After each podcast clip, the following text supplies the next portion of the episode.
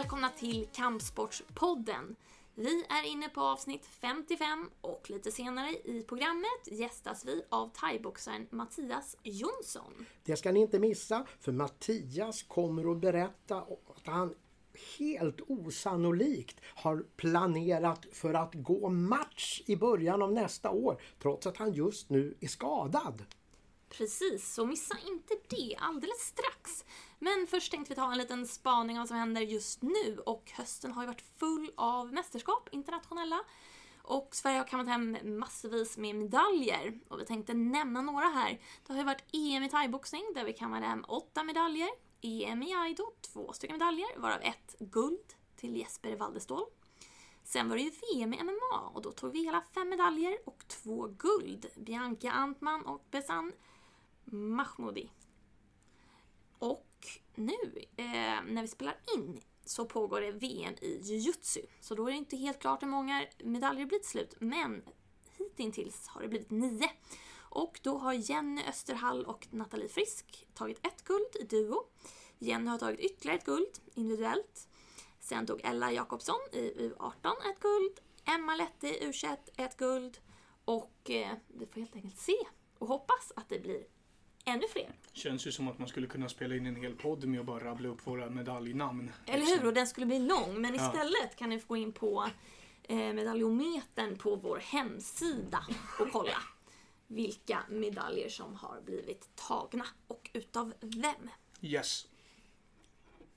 Ja, jag hade också en spaning ju. Eh, och det har ju varit nomineringar till Idrottsgalan. Och den här gången blev det inte någon ifrån vårt förbund som blev nominerad i någon av de ordinarie kategorierna. Tråkigt. Tycker vi naturligtvis. Om du fick nominera någon här och nu då, vem skulle du välja då? Ja, alltså jag tycker ju eh, generellt sett att Idrottsgalan har blivit väldigt mycket bättre gentemot de mindre idrotterna. De, de som vanligtvis inte får så mycket utrymme. Och det kunde man ju se nu också. Det var någon från skateboard till exempel som var nominerad och sådär. Det händer inte jätteofta. Så det tycker jag var kul.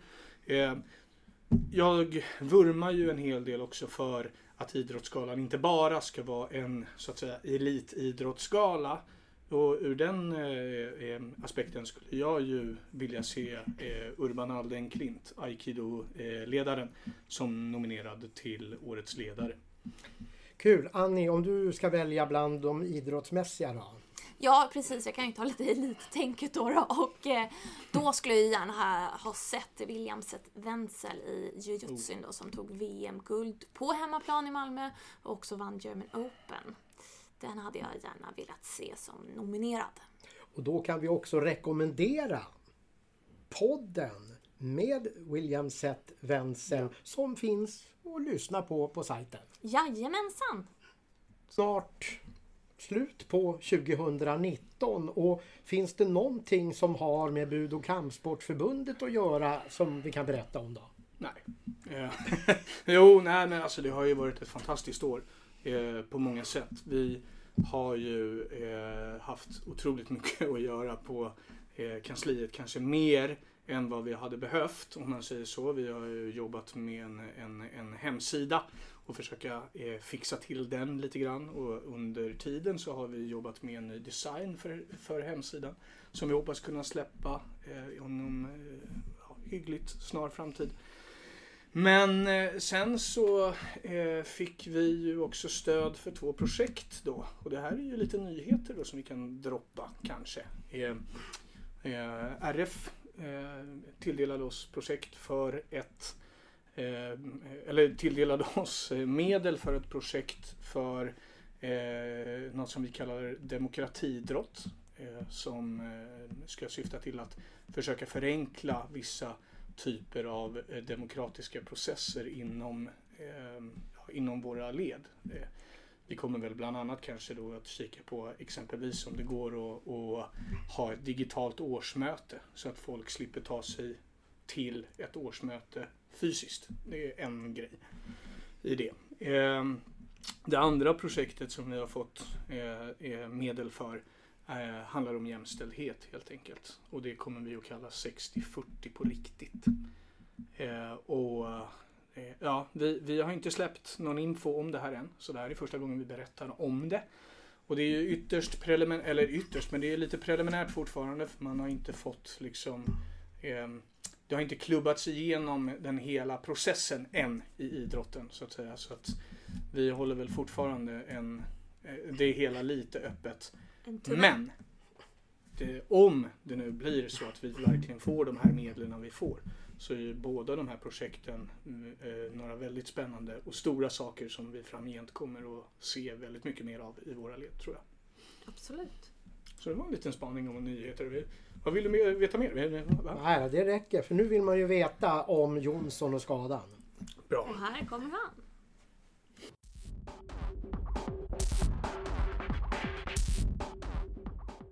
Vi har Mattias Jonsson här. Välkommen! Tackar, tackar. Kul att vara här. Du är så välkommen. Vi har Range här också. Ja, är jag välkommen då? Du är så varmt välkommen. Schysst.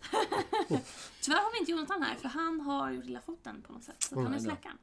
Eh, Vi hoppas att han återkommer till nästa inspelning. Men eh, Mattias, du är thaiboxare. För de som inte vet. Tänkte att för de som inte riktigt känner dig skulle vi börja med några återkommande frågor som vi har i varje podd som vi Yes. ställer. Ehm, Trommestadarna. Som Trommestadarna. vi kallar efter kickboxningscoachen. Okej. Som då kom upp med att ni borde ha något återkommande frågor till alla. Så att, eh, är du beredd? Yes. Då kör vi. Hur gammal är du? Jag är 24 år gammal. 24 år. Vad jobbar du eller pluggar du? Jag eh, jobbar eh, som alltid allohantverkare kan man säga. Eh, jag gör allt från att måla, hänga gardiner, flytta, montera, demontera, riva. Ja, vi gör verkligen allt. Totti. Ja, precis. Eh, om du fick testa en idrott inom vårt förbund som du inte har gjort tidigare, vilken skulle det vara? Vad som helst. Vad som Eh, jag tror faktiskt att jag skulle pröva MMA då. MMA. Mm. Yes. Det, det känns jävligt ko- skoj. Eller alltså jag, om jag fick välja så skulle jag vilja bara gå och köra en MMA-match utan att behöva träna. Utan bara köra. En, Bara för att testa? Ja, bara för att pröva liksom. Kan, kan ju vara lite riskfyllt, men Ja. okej, vi kör vidare. Rött eller vitt? Vitt tror jag. Vitt. Vad är du rädd för? Oj, eh, jag är faktiskt inte alls rädd för mycket överhuvudtaget. Men är det någonting som, alltså ingen sak sådär. Eh, utan jag, jag är ofta rädd för att göra fel. Så gör jag någonting nytt eh, och jag inte riktigt vågar fråga vad eller hur någonting ska göras. Och så, så gör jag det och så gör jag all in på att det ska bli bra. Och så gör jag fel. Då, det är någonting som, jag vet inte varför. Det blir alltid, det är alltid lugnt i slutändan om det blir fel. Men det är en skräcken av att göra fel eller göra dåligt ifrån mig när jag försöker göra mitt bä- bästa. Det, det är en skräck. Vad drömde du om när du var liten? Jag drömde om att eh, bli en filmstjärna och få mycket tjejer. Eh, ja, jag hade väl någon eh, bild av att eh, om jag var filmstjärna så skulle livet vara som en American Pie-film ungefär. Det skulle bara Woo, party och tjejer och ja. Det var, det var lite så jag drömde. Men jag, jag ville bli en, en skådespelare av något slag. Eller hockeyspelare faktiskt var det också. När jag var liten. Spelade du hockey? Jag spelade hockey. Men det blev thaiboxare Det istället. blev det. Till frukosten, häller du upp flingorna först eller efter mjölken? Eh, jag tror faktiskt att jag, eh, när jag har gjort det här, tar mjölken först. Eh, men jag har aldrig riktigt, jag har inte varit en frukost... jag lagar ju frukost. Typ idag så gjorde jag en eh, sån här liten thai- thai-variant av en om- omelett. Så jag skivade ner lite grönsaker, morötter, eh, eh, gul lök och sen så pressade jag en vitlök i den och sen så har vi hemmagjord, hemmaodlad chili. Så skivade jag ner lite chili i den och sen så knäckte jag fyra ägg, rörde runt och eh, gjorde mig en liten omelett. Och just det, sen så la jag lite ost också, sen när jag vekte den över så att det blev lite ost i mitten. Vi får återkomma till käk, det hör Ja, man ju. ja, alltså, Jag gillar det- mat. Vi, vi har det på listan här. Ja, precis. Och det kommer faktiskt här till nästa. Favoritmat? Och den är nästintill omöjlig för mig. För att eh, min favoritmat, det är allt beroende på vad jag känner för i tillfället. Men någonting jag verkligen gillar är ju faktiskt asiatisk mat. Så allt från där det är mycket färger och ser fint ut. Då gillar jag det. Som sushi till exempel. När de har lagt upp det fint och, och så är det, är en stor kärlek. Men samtidigt typ plankstek när de har lagt den här plankan fint och det, potatismosen är typ så här räfflad eller vad man ska säga och lite vitbränd. Och, äh, det är, Du kör lite äta med ögat också. ja, det gör jag verkligen. Drömresmål? Jag eh, hade ett drömresmål faktiskt fram till två år sedan. Att åka till Thailand. Och nu har jag varit där ett par gånger. Så att eh, nu skulle jag säga att mitt drömresmål är faktiskt att åka till eh, Los Angeles, Kalifornien. Eh, mycket för eh, American Pie då, som vi snackade om tidigare. men, nej, men eh, jag tycker att det verkar jävligt häftigt där. Det känns som att det är på något sätt du har allt i USA. Du har klimatet fast du har samtidigt det västerländska eh, samhället. Du har mycket mat och det är mycket maten faktiskt återkommande där. Som jag, som jag ser fram emot av att åka dit. Att äta de här feta mackorna med cheesesteaks och 15 olika såser på. Och sen så lite picklad rödlök och bara smack. Och så släpper de ihop det där. Sen så doppar de i frityrsmet och sen så friterar de den och efter det har de glass på. Nej men. För att det är mycket maten där. Och Ja, vädret och... Ja, Luftföroreningarna. ja precis. Det också. Det är aldrig, det är aldrig fel. Det har jag inte koll på. Jag blundar för sånt. Då går vi vidare till bästa tv-serien. Eh, oj.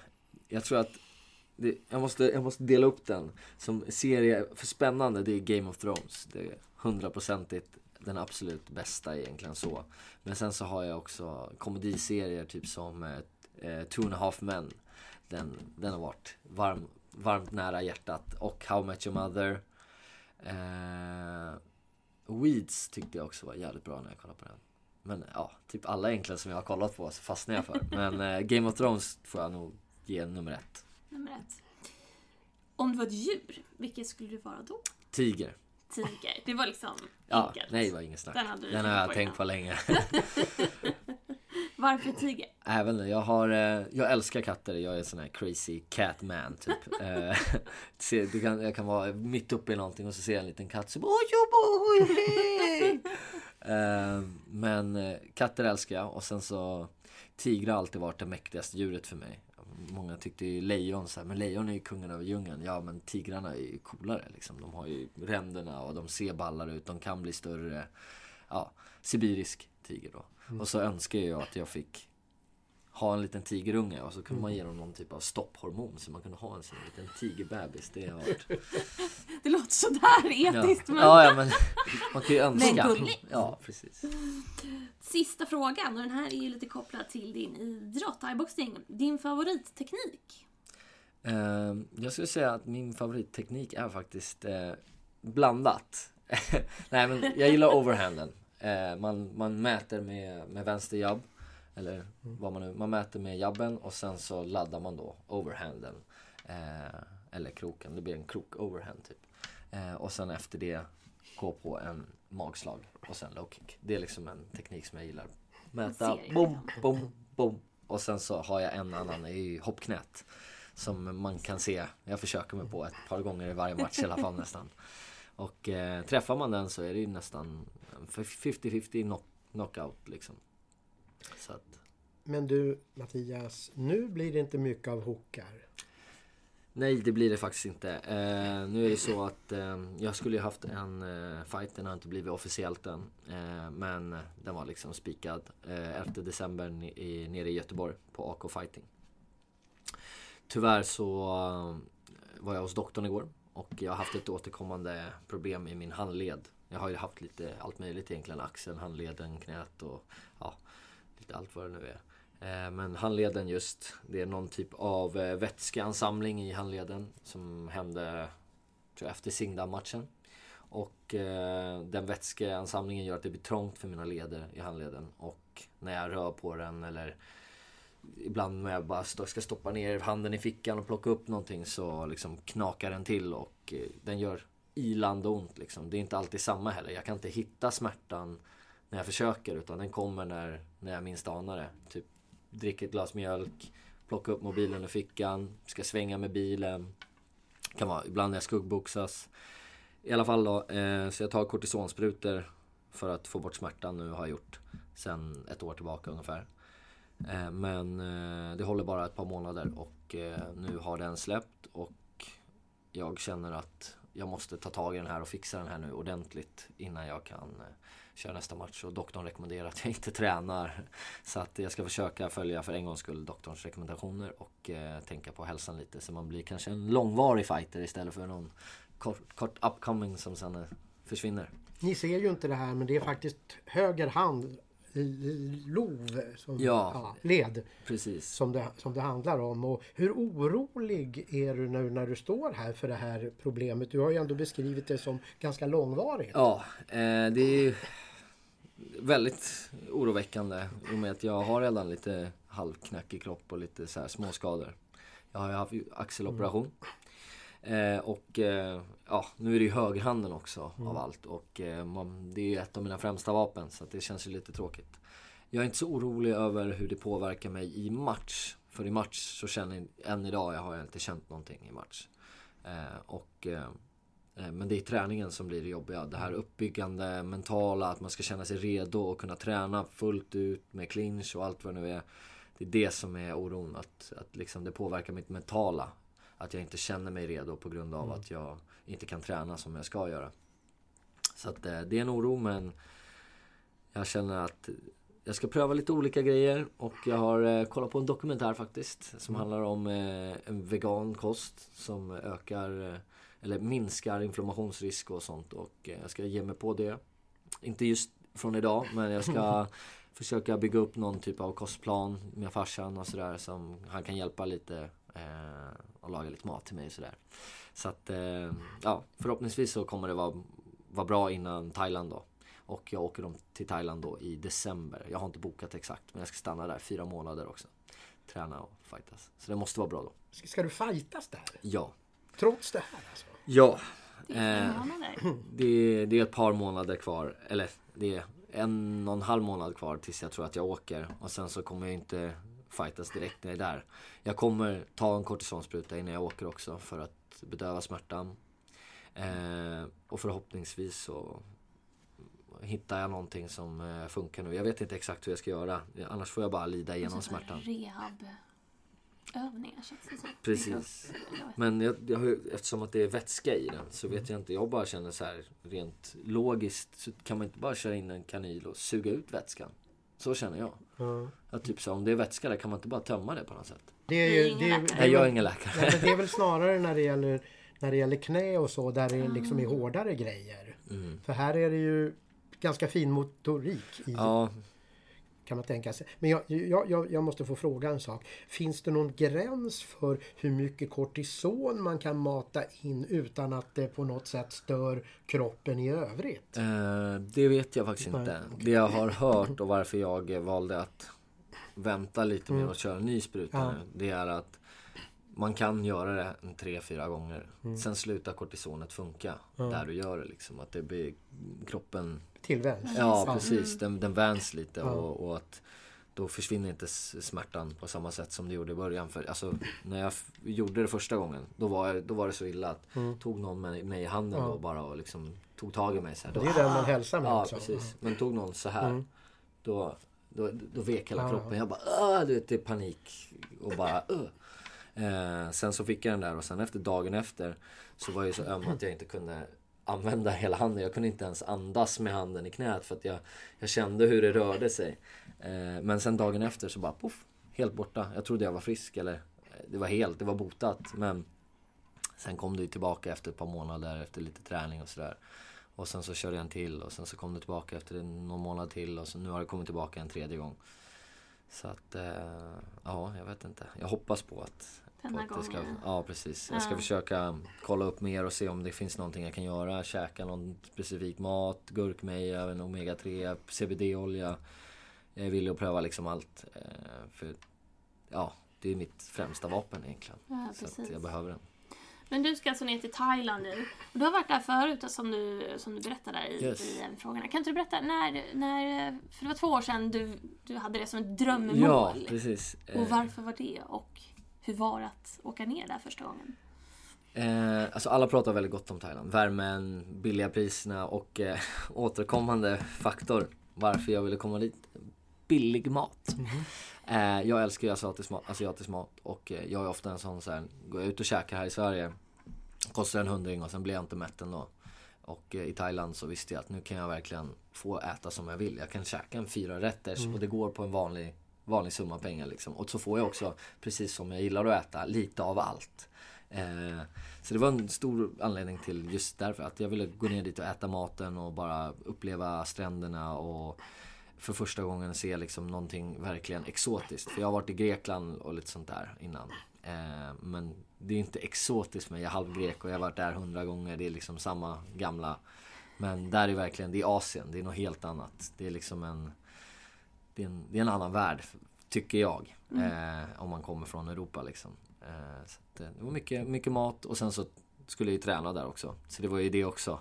Eh, men det var inga planer på att gå match där just då. Men sen så när jag kom ner dit på träningsläger med klubben då, så, nej men fan, vi kör en match. Och så körde jag match och så vann jag på knockout i andra ronden då.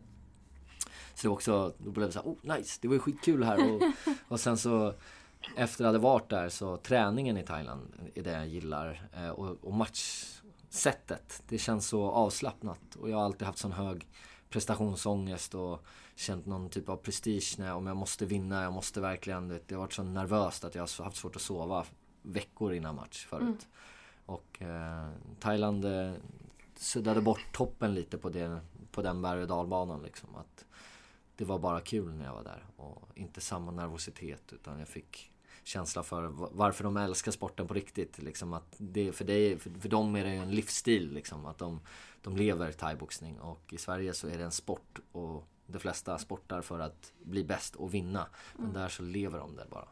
Och, ja. Du glömde bort prestationsångest här på frågan vad är du rädd för? Ja men sa inte det? När jag försöker, när jag försöker Ja, ja. och sen misslyckas. Eh, Så ja men det är väl okej, prestationsångest är absolut en av mina tror jag, största fördelar i thaiboxning men också min eh, största svaghet. För att eh, den eh, tär på mitt psyke men det är också det som när jag är förstörd som jag är så krigar jag igenom för att jag, jag kan inte tänka mig att jag ska gå upp i en ring och inte vara toppklass. Det, det, det, det är en skräck för mig. Att folk ska kolla på mig och tycka, nej fan han var inte så bra den här Mattias. Vad, vad, vad är det för ståhej liksom? Så att... Var Du, du sa ju här att du var där med din klubb. Ska du säga vilken, vilken som är Ja, din klubb? eh, jag tränar ju för Tullinge Muay Thai då. Okej. Eh, Johan och Emil Björnestad. Eh, så att eh, de har, jag har tränat med sen jag eh, precis skulle fylla 14. Och eh, de har slagit mig gul och blå i x antal år innan jag fick börja ge tillbaka.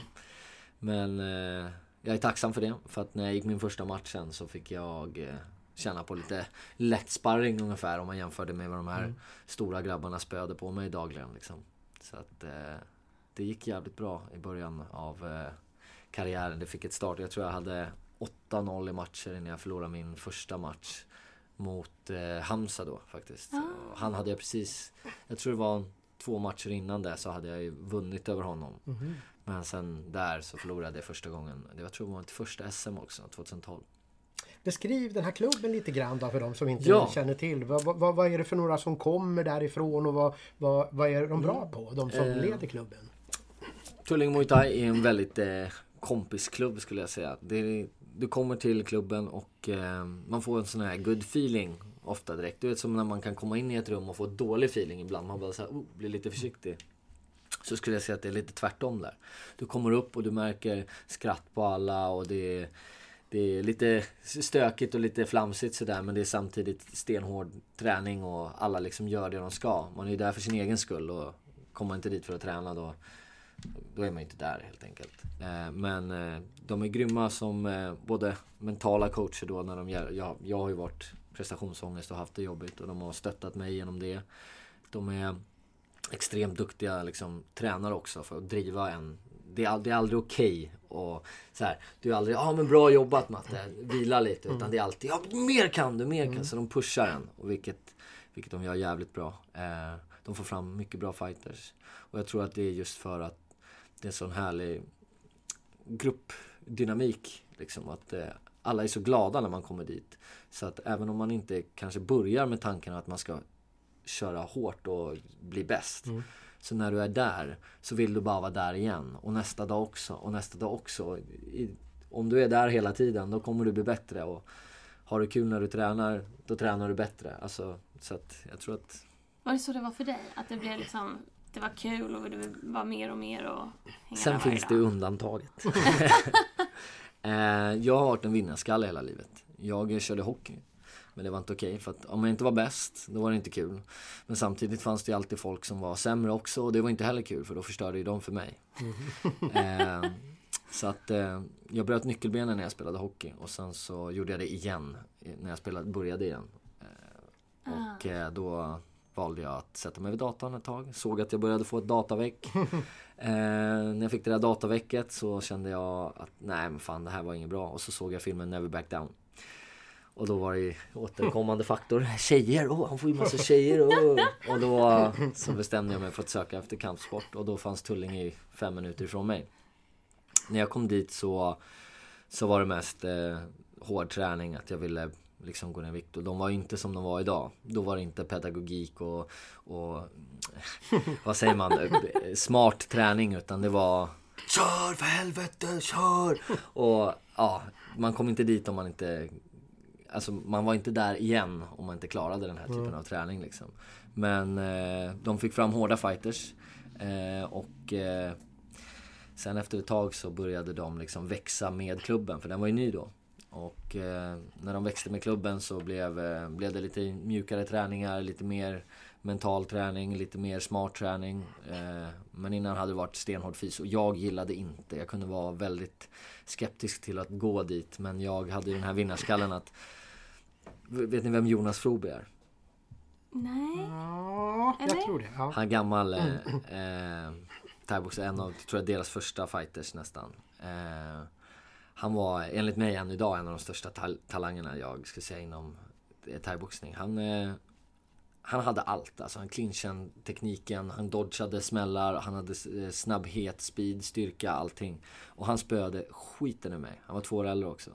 Han spöade skiten ur mig eh, i typ två års tid. Och jag gick, tror jag, mycket tillbaka dit för att jag klarade inte av. Jag tyckte jag var en tuff kille. Och han såg ut som en mupp tyckte jag. Han, var så, han såg så snäll ut Ja, ja. och du vet så här, och jag klarade inte av psykiskt att han var bättre än mig. Det är bara, nej men han, nej. Punkt. Jag, har, jag vet att det är så här. Ser man ut som en mupp, då är man en mupp. och nej, inte vad, vad, vad det var. Men jag, jag klarade inte av att han var bättre än mig. Så att jag körde mot honom hela tiden. Och han, alltså, han knockade mig en magen då.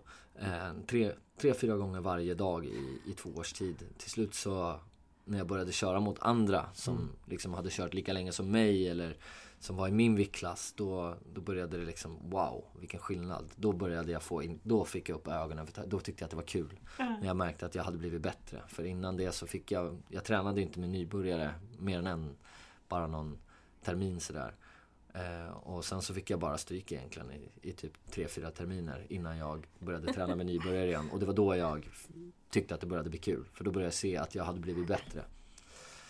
Är det några andra som fortfarande håller på som, som kom fram där i, i Tullinge tillsammans med dig? Eh, ska vi se här. Eller är du ensam kvar? Ja, jag tror, alltså det är Johan och Emil då som är kvar fortfarande. De var ju delaktiga i min gruppstryk där, att de spöade mig väldigt mycket. Men eh, eh, jag tror att jag faktiskt är den enda som är kvar helt och hållet liksom, och, och tränar och tävlar från, från början där. Det är det faktiskt. Eh, Finns det andra, jag tänker på, eh, det låter som det inspireras av Johan och Emil. Finns det andra inom kampsporten eller andra idrottare så här, som, som är någon typ av förebild eller har inspirerat dig? Ja, det, det finns det. Eh, Jag, jag tror jag skiljer mig väldigt mycket många från, från många. För att eh, många som gillar thaiboxning och sådär, de är insatta i det. De kollar på fighter och sånt där.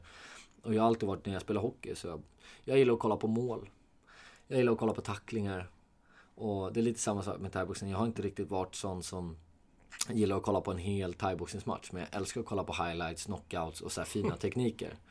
Eh, men jag kan typ ingen, inga thaiboxare. Jag kollar inte på thaiboxning sådär mycket. Eh, men jag har haft tre stycken som jag verkligen så här. De har jag kollat nästan alla matcherna på. Just för att jag tycker att de alltid levererar i varje teknik nästan. Och det har varit Mike Tyson. Eh, boxning då. Mm. Och sen så hoppknät som jag har fått av Iron Mike Zambidis. Som också är väldigt Mike Tyson liknande, hårt slående. Och sen så har det varit eh, en som jag egentligen bara, jag tror det är inte så många som vet vem han är. Bara, han är rätt eh, Ramba som det. Typ M16 eller någonting. Han är väldigt, han var blojig. Han, han stylade mycket. Han gjorde sjuka grejer och bara typ så här retades och tauntade sina motståndare och lite sånt där. Och tyckte det, Lite underhållning. Ja, precis. Eh, och det är väl de tre mest som jag har kikat mycket på. Sen så kan jag lite. Du vet, man kollar på highlights, man kollar lite på, på Conor McGregor och, och Nate Diaz och Alexander de Mauler och alla li, lite. Men jag har inte riktigt snöat in mig på, på att eh, streckkolla och sånt där. Men Mike, Mike Tyson om jag var tvungen att välja någon, det har varit en... Bra att du tog upp det där namnet igen. Jag tänker bara så här, du som var en beundrare av honom. Vad tänkte du då när du såg matchen mot Tim Witherspoon? Oj, nu ska inte jag säga att jag kommer ihåg de andra som han har mött. Jag har Nej. kollat på alla, på hans dokumentär där jag Ja, kollar alla ja. matcher. Men eh, jag vet inte vem Tim Witherspoon Det var ju han med, med, med, med den långa jabben som såg till att Tyson aldrig kom riktigt nära. Jaha, ja, okej. Där han, där han förlorade sen Tyson. Jag tänkte att du möjligen I hade mitt sett det. huvud så har jag... Eh, Så förlorade han aldrig. Nej, precis. han förlorade aldrig. Eh, Du kollar inte på förlusterna? Han- Vad skulle du lära dig där? Nej, eh, för mig är inte det en förlust. Han, var, han förlorade ju på poäng, eller om man ska säga. Det, det blir ju att han förlorar. Men eh, fighting för mig, när jag skulle vara missnöjd med en match, det är när jag ser att någon annan vinner i fighten mot mig. Inte att någon plockar mer poäng. Som min senaste match i Thailand mot eh, thailändska killen i, i VM. För mig så var det ju en förlust och det, det är surt. Men det tog inte så hårt på mig för att det var ingen match. Jag hade inte ont. Jag, jag, jag var knappt trött. Jag fick bara springa efter honom och han plockade poäng. Mm. Och det var lite där. Alltså, alla, alla vet att Mike Tyson var den vinnande fighten. När vi kollar fighter. Att det är liksom in och slåss. Men han var bara tekniskt och, och smartare. Och för mig, när jag kör så är det, m- mitt mål är inte att alltid över... Självklart vill jag övertyga domarna om att jag är bäst. Men för mig är det viktigaste att den som inte kan fighting kollar på min match och tänker att jag vann. Inte de som kan. Apropå den här, jag hänger kvar Mm. vid Witherspoon här. För, för han var ju på något sätt den första som bestämde sig för att när Tyson kommer ska jag inte backa. Nej. Jag har bättre räckvidd än vad han har. Jag går framåt istället när han kommer. För eh, om du tar de här som Pinklund Thomas och, och, och alla som mötte honom. De började ju med att gå bakåt. Ja. Och Tyson kom efter Ja, och, och, bara kunde slå, ja. och bara kunde slå. För de hade ingen balans när de gick. Och nu gick jag bakåt, inte så smart. Tappar bort Eh, För, för, nej, men jag, jag, jag tänker på att- flytta över det här till det, det, det här med mentala som du har, har- ändå har pratat om. Liksom just den här grejen att bestämma sig för att så här har det sett ut för de andra som har fått stryka av Mike Tyson. Så kan jag inte också göra för då förlorar jag. Jag måste göra något annat. Jag går framåt istället.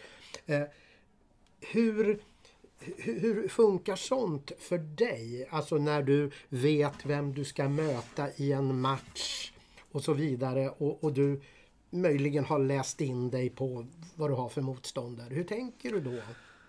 Ehm, många gånger, återigen, jag, är, jag sticker ut lite från, eh, från tror jag, någon standard elitidrottare eller kampsportare. Jag kollar inte jättemycket på min eh, motståndares matcher utan jag gör det i slutskede. Jag håller min träning kanske i hela veckan fram till sista veckan. Och där kollar jag på, på, på tre, fyra matcher som är de senaste matcherna. Och då ser jag bara, jag letar efter någon speciell, någonting som sticker ut. Typ så här om, okej han gör alltid så här. Han gör alltid så här. Så om någon har till exempel ett hoppknä. Då vet jag att jag ska vara beredd på att dodga det här hoppknät. Om någon har en armbåge så vet jag att oh, den där måste jag akta mig för. För att jag, eh, jag tror inte jag har, en, jag är inte så jätte bra på att anpassa min stil efter andra utan jag försöker bara vara bättre på min stil än vad han är på sin stil. Okej. Och eh, i bästa förmån då vinna på så sätt. Eh, men lite typ som när jag körde i Blitz. Så kollade jag på, och jag visste att eh, The Fury, Santana, han är ju extremt väl, alltså han, är, han har allt, lite av allt liksom. Han slår väldigt hårt. Och jag visste att det här är en all-style match. Och det är första gången som jag faktiskt valde att nu skiter jag i hur det ser ut. Nu ska jag vinna den här. Mm. Jag ska vinna för att alla hade kompisar var där. Det var i Stockholm. Det var mm. stort för mig att, att få köra den. Det var en av de bästa dagarna i mitt liv liksom. Men bestämde jag ska vinna den här. Och då, då började jag jobba mycket på frontkicks. För det gav poäng och det var jätteenkla poäng. Det, liksom, det var ju ett poäng för slag mm. mot, eh, mot ansikte. Eh, två poäng för spark mot kropp. Tre poäng för spark mot ansikte. Mm. Ingen poäng för low kicks. Mm. Så jag gick bara på egentligen de poängen. Och där är det enda gången som jag har anpassat min stil. Jag visste att han skulle gå in och boxa. Så jag, mm. jag jobbade med att ja, jag kunde hoppa åt mm. sidan, frontkicka, mm. försöka samla poängen. Och egentligen under den matchen kommer jag ihåg att jag räknade i mitt huvud varje gång han fick en poäng så mm. kände jag att då måste jag få två poäng. Ah, okay. Så hela tiden höll jag det. Nu fick han en poäng där. Då måste han fått en poäng. Ja, han fick mm. en poäng där. Okej, okay, men vänta nu är vi lika. Då måste jag göra en gång till. Jag kommer ihåg att jag tänkte mycket i den matchen. Det låter nästan mer som kickboxning ju än thaiboxning. Ja. Men det var ju det. Ja. Det var ju det. Det var ju all style. Ah, okay. Så att det gick under ett... Det var det därför jag menar, det var första gången som... Mm. För jag visste att de räknade poäng. Ja, jag kunde vinna två ronder. Men jag mm. kunde ändå förlora på att mm. den tredje ronden så fick han så mycket poäng att han översteg. Och det var därför jag valde att liksom kolla på hans mm. fighter och hitta någon typ av av saker som jag kunde mm. utnyttja emot honom. Och jag visste att han gick framåt mycket och då kunde jag sparka mer och backa och, mm. och fronta och plocka poängen liksom. Jag behövde inte kriga. Du säger en av de bästa dagarna i mitt liv. Vad, vad betyder fighting för dig? Thaiboxningen? Eh, för mig är det typ jag vet inte, alltså jag, jag, har, jag har försökt själv hitta ordet, eller rätt eh, förklaring, för jag har själv försökt förklara. Det är mer en känsla för mig det är typ som survival of the fittest. Jag ser det här som om, om han hade sin familj bakom sig och jag hade min familj bakom mig och vi slåss om en bit kött förr i tiden. Då är jag en survival of the fittest. Det är jag som kommer få den här köttbiten. Så för mig är det liv och död i ringen. Jag tror att det är därför jag får sånt högt adrenalin att jag liksom inte känner någonting. Eh, eh, det, jag verkligen jag har ingen som helst. Och sen efter när jag går ut matchen och det kommer, då är jag en riktig mes. Någon pillar på mig. Ah! men, men i matchen finns det ingenting. Det är bara vinna och jag kan inte tänka mig någonsin att jag skulle gå ner på någonting. Jag, jag, jag haltar mig fram i ringen om, om det är så liksom. Men det är just det där, jag vet inte. Jag känner att jag är en bättre människa än honom om jag vinner över han i bara händer. Typ fria regler. Och det är lite därför jag har funderat på att köra lättvej. Eh, med skallar och allting. För det är lite brutalt. Det är lite mer bara vilt. Det är liksom... det låter väldigt vilt. ja, men det är alltid. Då får du göra allting. Och jag vill köra MMA också för det är också lite mer. Jag vill pröva allt det där. Eh, men det, ja jag vet inte. Hur känns det då, förlåt, eh, när om domaren kommer in och bryter en match? När det känns som att du är så här all in och du kan köra på liksom. Det känns ju för jävligt. Det gör det alltså. Det, jag har ju inte tränat på ett, på ett tag. Dels för att jag har ont eh, i handleden då, men dels också för att det tar väldigt mycket mentalt för mig att förlora. Så det, det, jag tror det är därför jag har vunnit så mycket. För att det, det, det är ett sånt driv att jag är så rädd för att förlora. Rädd där igen. Att förlora. Eh, jag, jag, alltså, jag, kan inte beskriva känslan. Det, det är någon typ av... Det är bara en känsla och jag försöker hitta ett svenskt ord för den typen av känslan. Men, men jag, jag, har, jag, har, inte riktigt det i mitt ordförråd. Det, det är hemskt är det i alla fall att förlora. Och speciellt när domaren bryter. För när jag känner att så här, det här är mitt. Eh, senaste gången fick jag ju en armbåge. Och det var inte fel att egentligen att bryta. Eh, hade det varit i Thailand kanske det hade sett annorlunda ut. I och med att där är de vana med lite mer blod. eh, jag vet ju att jag tände ju till efter, efter den här mm. smällen. Då var jag, nu, nu jäklar, nu, nu, nu är det on liksom. Mm. Så jag tror att hade, hade jag fått vara kvar där då hade ni fått se en sån extremt häftig match tror jag. För att då, där släppte jag allt det här bry om, om att åh, nu måste jag skydda mig. Jag fick den här snytningen och kände att det är lugnt alltså. Det, det, den där var hård. En sån till får, får inte han perfekt som, som den där. Eh, men sen så i andra ronden så hoppade ju doktorn in där och tyckte att han såg skallbenet och då kunde inte han tillåta det liksom med gott Nej. samvete att det skulle fortsätta. Så jag förstår ju det, men det känns extremt tungt, det gjorde det. Eh, jag kände typ att jag vet inte om jag ska säga att det... För jag tycker inte att det är pinsamt när någon annan förlorar, att de är dåliga eller någonting. Men det känns som att när jag gör det så är det så här... ah, nu, nu skäms jag. Jag vill bara stoppa huvudet i sanden och liksom glömma bort att världen finns ett tag. Och sen så, ah, nu har alla glömt att jag har förlorat. Ah, ah, tittar jag upp igen. Tja, tja. Men det är väl kanske så många, många beskriver att just det här när man själv ska prestera, att det är då det är jobbigt om man förlorar. Sen är det inte alls samma känslor gentemot andra som Nej. förlorar. Då är det ju typ så ja ah, men gud, det är ju Du gjorde en bra totally match. fine. Du, det var ja, precis. ja men det var jättesnyggt. Ja, Eller precis. liksom så här, medan när det är en själv så, så är man inte lika snäll. Nej. Kan du beskriva hur det var morgonen efter, alltså när du vaknade efter den här brutna matchen? Förutom då att det var hål i huvudet. Men, men nu tänker jag snarare på, på hur, hur- hur du våndades över förlusten. Eller om, du, eller om det var som bortblåst dagen efter. Eh, den, jag lider ju fortfarande av min första förlust än idag. Eh, så eh, jag vet inte hur jag ska få det att förstå att jag är den absolut sämsta förloraren som jag tror att någon någonsin kommer träffa. Jag, är, jag, jag kan prata om det och det är lugnt så här, jag, jag har inte men det är för att jag har blivit så mycket bättre och jag har gått på sån här eh, idrottspsykolog sen eh, hypnosterapi och försöka komma underfund och med allt möjligt om varför det är så svårt för mig att, att ta att jag kan förlora också, att jag är människa. Hur många förluster har du i bagaget då? Eh, tio tror jag Tio? Ja. Okej. I, i, i, I världen utanför thaiboxningen då? Hur Mm. är det då med den här eh, Jag vägrar förlora Alltså om du spelar Trivial Pursuit eller något annat sällskapsspel, är det samma feeling där? Det beror på om, eh, om tigern vaknar. Alltså, är det ett spel där jag har blivit i, taggat igång på. Okej, då ja. är det lite så. Alltså, då, Är då, är det, Ja. då, då kan ni få se ett, eh, ett monster liksom som gör allt för att vinna. Ehm, men oftast så vet jag om också att jag ger mig inte in fullhjärtat på grund av att jag vet hur jag blir när, jag, när det är tävling. Att då är det allt för mig. Så jag måste vinna. Annars så, ja, men det är det som är meningen med tävlingen. Man ska ha kul. Men jag kan ha kul om jag inte ger mig in fullt. Utan att om det är så här, jag kör brännboll. Då vill jag vinna. Ja. Men jag går in med tanken, uh, så här, bloja lite för att skydda mig själv. Då kan jag skylla på mig. Tar du det platta slagträet då Ja också? men, ja men typ, ja men jag försökte inte, vad fan. Det var ju på skoj. Typ. Alltså, Men kan så. det vara så att ingen föreslår att spela brännboll när du finns med i sällskapet? Så kan det också vara. eh, nej men jag vet att jag har blivit tillfrågad om att vara med i Paradise Hotel till exempel. Och rent krasst sådär, alltså. Ja, en gratis semester tänker jag. Men det är en tävling. Och det är en tävling jag vet själv att det handlar om pengar också. Det är en, en hel del summa pengar. Jag skulle aldrig kunna vara med i någonting sånt utan att göra bort mig. För att jag ser, alltså när det blir en sån här tävling och folk håller på och hugger varandra i ryggen och sånt där. Jag skulle bli helt skogs. Jag tror att jag skulle jag ligga sömnlös och bli knäpp tror jag. Bara för att det är liksom, det är, det är ju under en lång tid också. Nej, Jag bara sagt, jag skulle aldrig kunna vara med där för att jag skulle ju bli helt knäpp i bollen. Du är ju drömmedverkande ju. Det hörs ju. Ja, ja, ja, ja men precis. Men det är därför. på?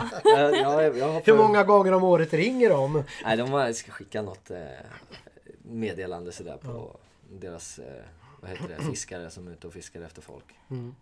Men eh, ja, nej det skulle vara det skulle nog inte vara bra för min familj att få se mig så heller alltså. Eller mina kompisar. Eh, Men återkommande där till dagen efter. Det var inte bortblåst men jag gick aldrig och la mig dagen efter faktiskt. Eller den dagen. Jag eh, sa till mina tränare att ja, men ni låta mig vara. Vi borde ut, så här, jag går ut själv med mina kompisar. Jag hade kompisar som kom ner och kollade.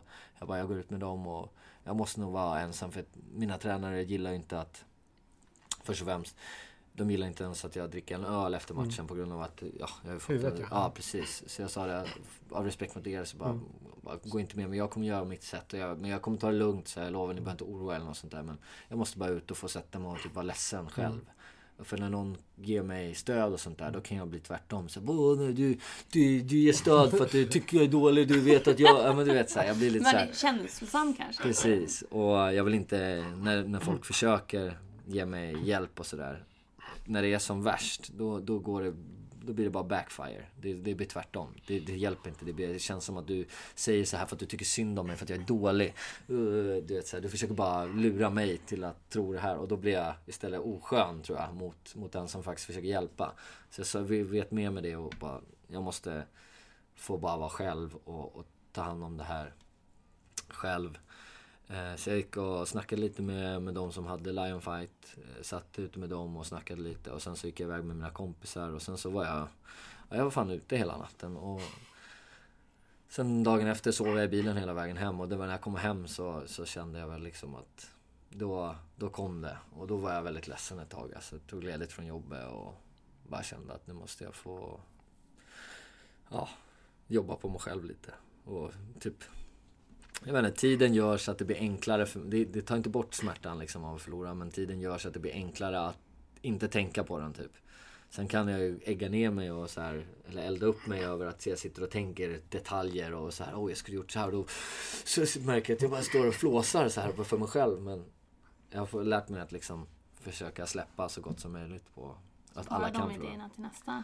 Men för varje förlust faktiskt så, så blir det enklare att acceptera att du vet, så fort man får en vinst sen så är det ingen som kommer ihåg att man har förlorat. Det är ju bara det att man måste få den här vinsten snabbt efter en förlust. Och det är det jag tror är gemensamt för alla.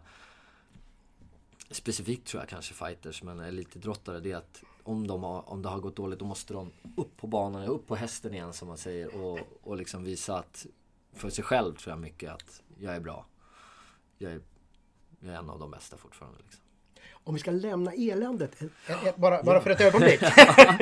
så, så om du får beskriva istället den bästa match du har gjort som du kommer ihåg den. Hur låter den då?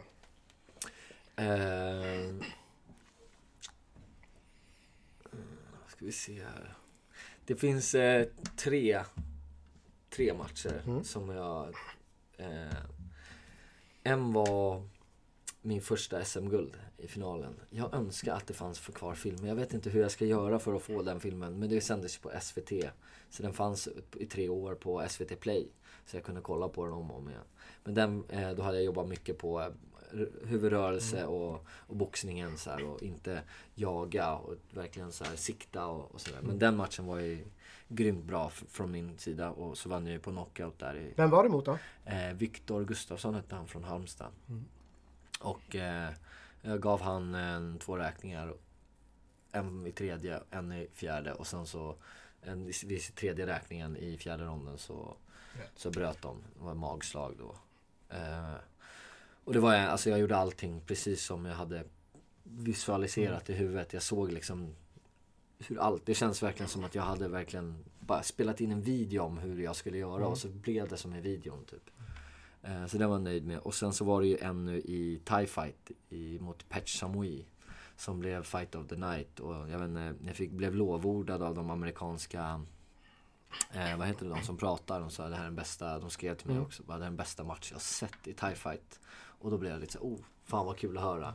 Och sen så var det ju mycket blod i den fighten och jag gillar ju just att det här var ju en fight fight. Det här var ju verkligen, vi stod bara och slog varandra. Vi backade inte, vi bara stod och vevade på tills liksom energin var slut och sen vevade vi lite till. Mm. Det var mycket lite hoppknä, snygga tekniker, kombinationer. Inget så här en, två, en, två. Utan det var en, två, tre, fyra, fem, sex, sju, åtta, spark, uh, Och så du vet, vi bara fortsatte. Och, ja, det var en häftig känsla att stå i en sån krigarmatch. Tyvärr så var det mot en thailändare och du vinner inte över en thailändare i en jämn match i Thailand. Du måste knocka liksom. Noble Art of Self-Defense var långt borta i den matchen alltså? Ja, det var inget sånt alltså. Det var bara, och det var ju utan handskar också. Oj, oj, oj. Ja. Det var ju sån här ja. curd check. Mm. Som är med bara lindor. Så att, eh, ja, det kändes bara häftigt. du har en match kvar också va? Ja, Tre matcher sa precis. Ja. Och eh, den tredje matchen, jag sitter och velar med om jag ska säga att det är Danny Blitz. Mm. Mot Simon. För jag var väldigt nöjd med själva outcomet av mm. matchen. Mm. Jag, jag, fick höra mycket av att även i en thai-match så, så hade vi vunnit den där. För jag sparkade mycket över armarna och sådär. Mm. Jag kommer ihåg jag gjorde mm. trippelsparkar och jag har alltid varit en boxare. Mm. Men i den här matchen så bytte jag min stil.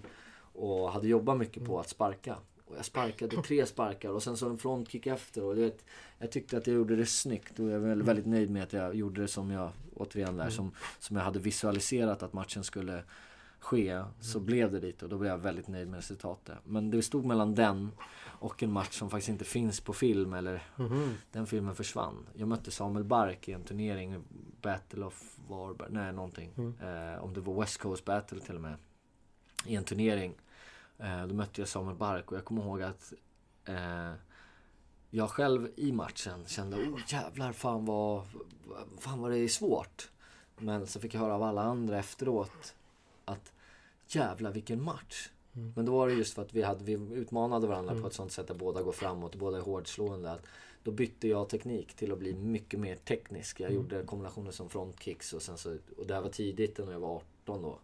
Och då hade jag inte riktigt börjat med mina sparkar än, utan det var mycket slag. Så jag var väldigt nöjd med att jag hade börjat sparkat mer i matcherna och få upp en variation av tekniker istället för bara Åh, han är hårdslående. Åh, här kommer den, ve- här kommer den liksom. Ja. Får jag fråga en sak apropå den här matchen du sa ni gick utan handskar. Ja. Vad var skillnaden eh, efter så att säga? Var det några blessyrer du hade då som du inte har normalt sett? Nej, jag, eh, jag hade ju, jag fick, ska vi säga, 24 stygn fick jag i ansiktet efter den matchen. Så att eh, det var ju armbågen då. Ja. Men förutom det så såg jag... Förutom det, det Ja, ja, ja. Nej men förut, nej, Ja. egentligen, jag hade lite ont i benen också. Han, han sparkade hår- hårda low kicks. Ja. Men jag fick några stygn i ansiktet och och sen var det inte så mycket mer med det. Man ser ju lite när det, de syr ihop och det blöder på insidan. Då blir man ju svullen. Men annars så, det var ingen... Ingen skillnad från mitt håll. Återigen där, jag känner inte i match. Det har jag aldrig gjort. Okej. Eh, så jag känner inte skillnad på hans slag eller sparkar eller något sånt där. Och de är ju Thailänder sparkar ju för det mesta. Så det är ju bara övertag för mig som är boxare egentligen Mm. att ha med de här handskarna. Men det var det jag märkte skillnad mest på. Det var när jag boxade. Händerna är ju så lätta och blir så snabba. Mm. Ja. Du behöver liksom inte alltså, ta i allt vad du kan utan du kan köra snabba slag. Men varje gång du träffar så känns det som att du träffar i trä. Det är bara Ja. det du verkligen känner till. Istället att för det, att vaddera det. Precis. Eh, Men det känns inte när det slår att det gör ont då, utan det... något, Lite gör det. något, ja precis. Det känns något, annorlunda. ja precis. Det är någon, jag kände att det kommer göra Mm. ont. Men man känner inte att det är ont. Man känner det när man slår och så träffar man pannan typ. Mm.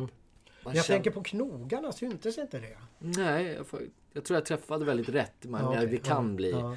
kan bli knepigt. Jag var lite öm var jag Mm. någonstans här. Ja, okej. Men det var för att jag hade typ träffat med tummen eller någonting. Typ här i handloven.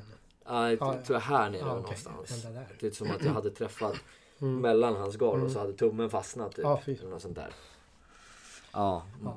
Men, eh, men annars de, de tejpar ju väldigt ordentligt. Ja. Det är en stabil hand liksom. Eh, Den är ju Hård. den är ju stenhård. Det går inte att rubba liksom. Sen så sätter de bara den här tunna lilla Eh, lilla vanten som de har räfflad då för att man ska ha det här snöret som jag antar att det ska bara vara vitt egentligen för att, för att blod ska synas bättre. Innan vi snackar vidare om, om vad som skulle kunna bli din framtida karriär. Du har ju ändå en karriär bakom dig. Ändå är det en annan grej som du nästan är mer känd för nu. Du vet vad jag tänker på va? Kanske, ja. Kan du berätta om den där storyn som, som har blivit så himla uppslagen? Alltså? Snackar du om eh, Aftonbladet? ja, storyn? Aftonbladet och Eh, Mattias Jonsson. Ja, ehm, det blev väl lite så att eh, jag förlorade ett vad med eh, någon kompis. Mm. Vi var i Göteborg och eh, det vadet var liksom, eh, det var ett jävla skitvad bara. Jag hade slagit vad om en grej och, och sen så, ja men visst om, jag, om du har rätt så kan du få styra min Tinder-profil i en timme. I samband med en boost. Och boost är så att man syns först framför alla. Och när man kommer ner i en stad så syns man ju tillräckligt för då är det någon ny, ny på marknaden och då kommer man först i allas så här.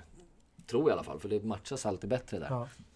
Kort sagt, jag skrev ett litet osmakligt skäl, eller de skrev ut liksom så att det var, det var utlagt i alla fall. Och eh, dagen efter eh, så vaknade jag, för jag tog ju bort det där när, när tiden var ute. Ja. Sen dagen efter så vaknade jag om lite meddelanden på från en tjejkompis till mig då som bara Hör, det finns en twittertråd om dig. Och jag bara va? Vadå för twittertråd? Jag bara, vad är det? Och jag hade ingen, alltså ingen tanke egentligen med på det där. Det var ju liksom så här. Alltså känner man mig så vet jag, jag är väldigt, kan vara os, alltså, osmart i, i mitt ordval. Men, men eh, jag kan också, alltså jag är världens minst våldsamma och jag är världens, alltså jag vill aldrig, jag är en sån här fegis. Jag är såhär, oh, ah, du tycker så, ah, nej, men då tycker jag också så. jag vill inte ha någon konflikt. Konflikträdd. Konflikträdd, precis. Jag vill inte ha någon konflikt för jag, jag trivs inte i konflikter. För att återigen, det blir så här, om jag tycker att jag har rätt och du tycker att du har rätt. Mm. Då kommer den här lilla tävlingsinstinkten fram också. Mm. Då måste jag ha rätt. Då blir, då blir jag arg till slut. Och jag vill inte bli arg för då säger jag dumma saker. Och sen Mm. så, så fort jag har sagt något och fått ut med min ilska, då är det så här, åh, Det här var ju ändå en rätt dum sak. Ja. Men eh, ja, eh, så att då skrev han ut det där. Jag fick ett meddelande och så gick jag in och läste printscreen. Då har någon printat min Tinder-profil och lagt ut på Twitter. Och den här tjejen som, eh, Ringde till Eller messade Eh. dig. som hade lagt ut mig, hon eh, hade väldigt många följare där på Twitter. Och eh, eh, så för hela hennes Twitter var full- full av bara sådana här. Men det var inte hon som hade lagt ut själva texten från början? Nej, det, det, Nej. nej. nej, nej, utan hon la ut en printscreen på Ja, mig. ja. På mig och på min Okej, Tinder-profil ja. Mm. bara. Det är en sån här man snä, klipp. Och eh, ja, den spreds i alla fall. Mm. Det, det blev jättemycket hatmeddelanden på DM och sånt där och jag fattade inte från början. Jag bara, men alltså vad, hur stort är det? Och sen så var det någon som bara, men kolla hur mycket delningar. Då hade den upp kanske 500 delningar. Ja. Och det är bara 500 och sen så har alla 1000 typ följare. Mm. Ja. Alltså det är ju 500 000. Ja.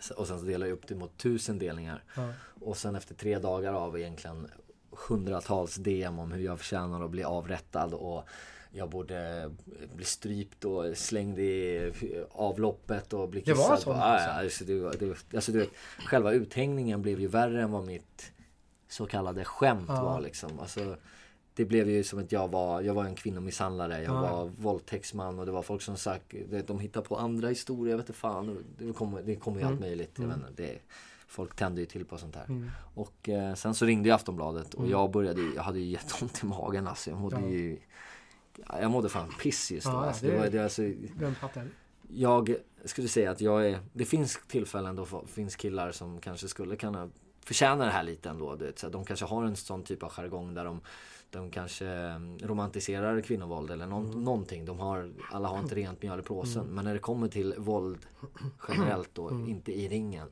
Då är jag fan fläckfri och har väldigt rent mjöl i påsen. Jag är ju verkligen inte en våldsam person. Så jag blev verkligen så här väldigt, jag bara nej det här är verkligen 100% inte jag. Jag fick verkligen panik och fick svårt att äta. Det är bra att jag bantade i tillfället ändå men så att det, jag, jag sov dåligt och, och ja, det var inget kul. Men när Aftonbladet ringde fick jag min historia ut och sen så då slog det en hel vändning istället. Det, Aftonbladet la ut och sen så skrev Expressen. Det blev väldigt stort sådär men då såg ännu fler. Och då kanske jag fick en 200 DMs och då var inte ens ett enda DM elak. Själva, alltså det som skrevs var ju, handlade ju om blåtiror på tjejer. Ja. Eh, och som texten var så, alltså det stod ju ett Jag kan os- säga texten om Ja. du vill. Eh, det stod, eh, vad säger man till en tjej med två blåtiror? Och sen så ingen Ja. vet. Och sen så ingenting. För hon har redan blivit tillsagd två gånger. Ja. Och, och, och, och då känns det som att det står ju ett os av skämt kring det där. Ja. För, för, för, för, för, gör inte det för dig Annie? Du är ändå eh, på något sätt i den förfördelade gruppen här då. eh, nej, men skulle, skulle du tro att det var på allvar om, du, om det stod så? Nej, jag skulle ju naturligtvis tro att det är ett skämt. Sen skulle Ja. jag ju definitivt tycka att det är osmakligt. Ja, Ja. Men, men, men, men inte tror man att... Alltså, jag tycker inte det känns realistiskt att, Nej. att, att någon saluför en, en sån åsikt i ett, ett forum där, Man ska där man vet att det kan hända grejer. De hade ju klippit ut, du vet. Ja. Alltså det var ju som sagt, det var ingen mellanrum mellan det här skämt och Ja, sidor. tagit bort det. Det var ju borta. Just det det, fanns precis. inte. Så att det var ju riktat antagligen för att hon ville få en massa gilla-markeringar Mm. och, och sådär. det faktum då att det här nästan är det som du är mest känd för fast du har en, en ja, framgångsrik eh, thaiboxningskarriär. Hur ser du på det? Utanför idrotten kanske vi ska nämna. Vad sa du? Utanför idrotten kanske vi Ja. ska nämna. Alltså Ja. för gemene man som kanske inte då har någon koll på Vet om. kampsport. Nej precis. Eh, ja alltså det är...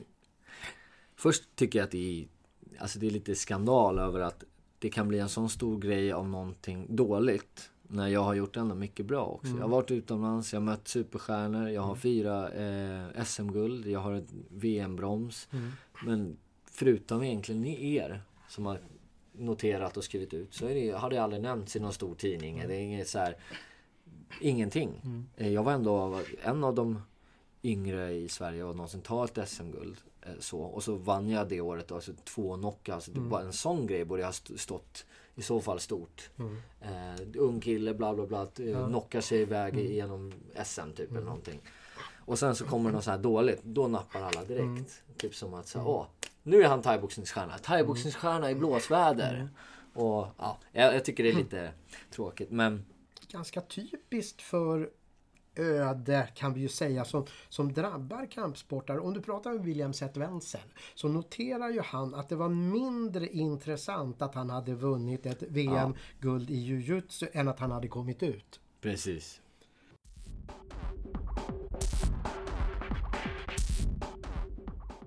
Eh, apropå så har vi faktiskt ett EM. Det kommer ju redan avgjorts när vi sänder eller publicerar det här avsnittet. Mm. Men jag tänkte fråga lite hur du tror att det kommer gå.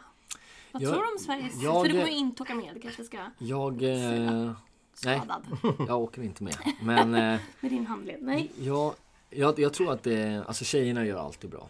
Alltså jag har högt förtroende för tjejerna i Sverige. Vi, vi, vi är ju den, en av de bästa nationerna i, i världen när det kommer till kampsport som tjejer. Alltså vi, jag har ju sett många matcher när jag varit i, VM när svenska tjejer bara kör över. Det är som att det är, det är en helt annan klass ibland på vissa. Men eh, jag har ett stort hopp för eh, Nicholas Bryant. Alltså, jag har sparrats med honom lite och han är väldigt ny. Men hans stil är väldigt annorlunda thaiboxare ändå på något sätt. Han är väldigt pigg och alert på benen. Och samtidigt så har han huvudrörelser och boxning. Han har verkligen, han har hela paketet. Och eh, jag tror att han kommer, eh, han kommer lyckas bra. För att, visst, i Thailand, jag tycker ju typ att han vann den matchen han förlorade. Eh, men eh, nu känns det som att... Jag vet inte, det känns som att det är hans... Nu när det är Europa liksom. Det, det är lite mindre att ha, men jag tror inte att alla länder kanske inte... De försöker på VM och sen så kanske de är lite som jag bara, "Ah, men jag vill ha ett VM-guld. Jag skiter i EM-guld typ. Eh, jag vill ha ett VM-guld. Eh, och jag tror att vissa länder kanske känner likadant. Och bringar inte alla de andra länderna sina absolut toppfighters mot Nikla, Nikolas. Då, då tar inte de Nikolas, tror inte jag. Så det, det är den jag har störst eh, förhoppningar på i här sidan. Och dels för att jag har sparrats med han också. Och eh, jag har liksom känt att han, har, han är så liten men han har mycket kraft. Och jag brukar inte vara sån som eh, backar direkt. Utan jag tar och, smakar på den här kraften. Och han, det är mycket att ge, eh, han har mycket att ge. Har han verkligen. Och en, alltså kondition som en, jag vet inte vad, en maratonlöpare. Alltså, han blir inte trött den här killen. Jag vet inte vad hans hemlighet är. Förutom då att, att, att, att, att det inte uppmärksammas särskilt mycket. När det väl uppmärksammas så kan det ju bli ganska konstigt med hur, man betraktar en match och ett resultat beroende på att det är inte så många som är insatta i, därför att det finns ingen tabell Nej. eller så att följa. Jag tänker till exempel på Patricia Axlings första match. Mm. Fick hon ju stryk. Då beskrevs det som ett fiasko. Ja, det visade sig ju att det var den blivande vinnaren hon hade förlorat mot. Precis. Så eh, om, om ett svenskt fotbollslag förlorar mot en blivande vinnare är det ju ingen som talar om fiasko. Nej. Men här är det så att här är bara en match en match därför att liksom kunskapsnivån hos den som ska publicera är ganska i, i grunden låg. Ja, och, och att det då på något sätt blir någon sorts svart och vitt som är Vinna, riktigt absurt. Ja. Eh, att, att, att det, liksom, det finns ingenting emellan att, att, att vinna en match eller att göra fiasko. Nej precis. Antingen vinner du eller så... Har du gjort fiasko? Ja precis. Och då, och då eh, är det ju ändå så på något sätt om man, om man flyttar över till, till boxning. Så var det ju många som sa att när George Scott besegrar, besegrar Rafael Ruelas så sa ju många jo men det är ju bara det här WBO, det är ju Mm. fjärde organisationen. Då var det ju ingen liksom, som brydde sig om att Rafael Ruelas hade ju varit uppe mot Oscar de la Hoya i en match Mm. och Oscar de la Hoya beskrevs ju som en, som en gud precis. i viktklassen. Det brydde sig ingen om liksom utan då, då skulle det på något sätt hållas nere George Scotts prestation fast Fast det, det var ju en match som ungefär som den där du beskrev när de bara pucklar på varandra. Mm. Det är de som är bäst. Ja, det är så underhållande att kolla på. Fast det är inte så bra för Det är det inte. kolan. I alla fall inte. Jag skulle säga kanske i thaiboxningen så är det lite mindre Ja. risk så för att det kanske ser värre ut med armbågar och blod Mm. och sånt där men egentligen är det bara skraps. Alltså det är ytligt bara. Eh, boxningen är ju långa ronder Ja. och du kan nog få ett par hjär- hjärnskakningar Mm. under en match och det är det som är det farliga med det. är därför boxning tror jag anses fortfarande som den farligaste kampsporten även om MMA och såna här det ser ju så mycket brutalare ut. Om du, fick, om du fick önska någonting när det gäller mm, medias liksom bevakning och uppmärksamhet kring kampsporter i allmänhet och kanske thaiboxning i synnerhet då? då? Hur, hur, hur skulle det låta?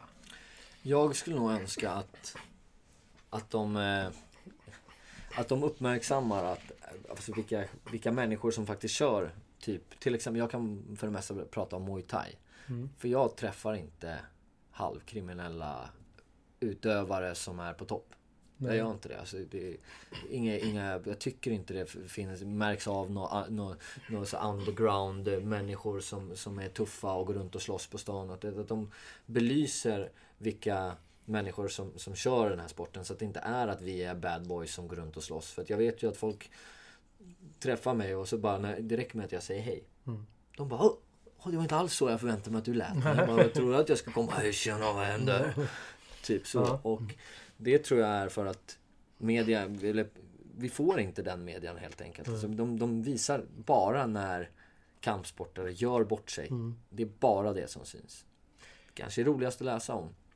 Men jag önskar att media upplyste allt bra. Ja. Alltså men typ som, jag vet att Kostas det här ner med va- vapnet upp med garden. Bara, alltså, jag tycker det är jättebra att han får, han får ju lite media och sådär över, över det. Jag tycker det, det är jävligt bra att visa den typen av, av kampsportare. De här ödmjuka, de, de som gör mycket. Och, eh, tycker att det, ja, jag- önskar att de kunde, för det första ge mycket mer mediatid till kampsportare. För det är en sport som där verkligen man offrar hela kropp och själ för att utöva. Och ändå så är det, det är knappt pengar, det är knappt mediatid. Alltså det, det, hade jag varit lika bra i hockey eller fotboll som jag är i thaiboxning. Då hade jag suttit i en mansion istället för att bo hemma hos pappa och be om eh, lax till middag. Nej, men, ja.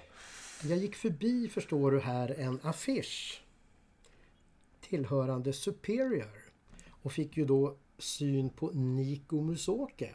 Mm. Och han är ju statsvetare. Alltså stats... Statsvetare! Ja. Och, och då tänker jag så här att alltså hur kommer man alltså hur kommer man på att ha den kombinationen i livet? Å Ja. ena sidan statsvetare, å andra sidan MMA-fighter. Ingen bryr sig om den frågan. Det är en kul kombo tänker du? Ja, fantastiskt intressant kombo. Ja, det är hur, verkligen hur, alltså, statsvetare, det låter ju som såna här urtrista gubbar Ja, som, som, väldigt- som, de, som de ringer in, inte ens i Rapport utan i Aktuellt som är lite fördjupande och, och, sitter och, och pratar och, och, och det är jäkligt ovanför huvuden på folk. Mm. Liksom. Att, att, att vara en sån och samtidigt en MMA-fighter liksom. Det, jag tycker det är så otroligt konstigt att jag inte har någonstans har sett detta uppmärksammat. Nej. Att, att det finns en... eh, Och nu när de inte är så många, eh, alltså eh, de här som, som är, är MMA-fighters i Superiors nivå och har hållit på ett tag. Så... Ja, Att det inte är uppmärksammat. Ja, ja. Nej, det är helt... Det, alltså det, de kampsportare som jag tycker får uppmärksamheten det är alltid de som, det är samma historia på alla. Mm. Det är de som kommer från ingenting, kommer från från orten och du Ja. vet, så här, de har varit lite halvkriminella och sen så har de kom, tagit sig ifrån. Det är samma historia. Mm. Det är så alla spelar lite samma historia. De, tar inte, men kolla Bea Maleki. Hon kommer inte från, från någon. Alltså, hon kommer från hon, dig. Ja precis. Men, men jag bara tänker så här, hon är typ, hon pluggar på KTH, är typ Ja. civilingenjör Ja. och värsta, Mm. alltså värsta smartskallen. Eh, och egentligen borde inte ta massa smällar mot huvudet Mm. för hon har ett huvud av guld liksom. Eh, och jag tror hon har varit modell också. Och sen så, så är hon UFC-fighter. Alltså, där är också en kombination så här. Skriv om henne, Ja. hon är ju Ja, intressant. ja, Hon är ju, exakt. sticker Ja. ju ut. Ja. Skriv om henne, där behöver vi Ja. hitta något. Ja. Så här, det är den typen av, eh, eh, av fighters och, eh, och, och sånt som jag tycker Mm. ska uppmärksammas. För att det är de jag tycker tar bort, eh, vad heter det? Fördomarna. Mm. Det här med att ha med fighters, det är alla samma skrot och korn. Mm. De kommer lite jobbiga grabbar, har haft svår uppväxt och sen så kommer lite från kanske någon, någon getto eller någon ort och sådär. Mm. Och har haft lite halvt kriminellt eh, bak, eh, förflutet och sen så så räddar kampsporten Mm. dem. Och så är det ofta i många fall. Att, att faktiskt kampsporten tar ju bort den från, från det dumma. Mm. För man får utlopp för all dålig energi egentligen. Och sen så träffar man och lär sig och man blir säker i sig själv. Och när man är säker i sig själv så tror jag att då, då blir man snällare och Mm. ödmjukare och sådär. Men eh, det är all, alla vet dem, alla har sett de här. Ja. Jag menar, alla fighters är så. Kan vi inte se dem som är som, som du sa, Niko Musoke och jag, Nico jag, Musoke, då kan ja, inte, ja, Musoke, det, så jag ja. uttalar det Mm. rätt. Fan. Eh, och, och Bea Maleki och de, Ja, ja. det tycker jag är intressant. Ja. Ehm, framtiden då? Hur, vad har du för planer nu? Det, vi har ju förstått att det är lite rehab och lite det, fokus på att bli bra. Men det är också Thailand som hägrar. Eventuellt match. Ehm, sanningen är faktiskt att nu är så här, ja, match i Thailand det kommer det, det kommer det bli. Jag kommer köra in en sån här spruta innan jag åker dit. Så det kommer gå att träna. Eh, fram tills att, för det här kommer jag ta en, dagarna innan jag åker precis. Fram tills dess så ska jag, eh, jag ska gå och göra ett ultraljud till. Jag ska göra en, eh, jag vet inte, jag ska försöka få en så att de sprutar in någonting. Och sen så gör de en röntgen efter de har sprutat in så ska de se. Kontrastvätska. Ja, precis sådär. Ehm, och sen så ska jag väl försöka göra lite rehabilitering eller jag vet inte om jag ska försöka stretcha ut för att det ska bli någonting. Att de kanske är för spända eller någonting. Eh, jag ska kolla upp i alla fall med vad jag kan göra och försöka göra allt noggrant. Och jag ska träna, det kommer jag göra. Men jag kommer träna på kanske en... Nu låter ju det mycket ändå för de som kanske inte tränar. Men kanske fyra, fyra, fem gånger i veckan och inte liksom två pass om dagen och stenhårt. Och skita i om man har ont. Tar jag ont så kommer jag vila. Eh, ska, typ så. Eh, men eh, planen är att jag ska till Thailand. Jag har fått matchförfrågan nu. Igår faktiskt fick jag tre stycken förslag. Eh, Ett gym där nere som ville att jag ska komma dit och träna för hans gym. En kines som såg mig i thai fight då första gången. Och han ville att jag skulle komma ner och träna för hans gym. Och då har han fixat två, en match turnering i thai fight. Eh, I 63 eller 67. I 67 då, då kommer jag möta Sanchai och någon till. Eh, och sen så fick jag faktiskt en annan fråga av någon annan. Eh, jag kommer inte ihåg, ni kan säkert honom men jag vet inte vad han vem han är. Men någon också som har kört thai fight och jokka och, och allt vad det nu är. Som en thailändare, men i Malaysia. Men den är i februari. Den här mot Sanchai det var i november och det är lite för tätt inpå. Det kommer inte gå. Men eh, de har tjatat på mig thai fight ett x antal gånger om att få tillbaka mig. Och jag tror att åker jag ner dit så kommer de försöka få mig mot Petch Samui igen. I och med att det blev en tittarfavorit där. Mm.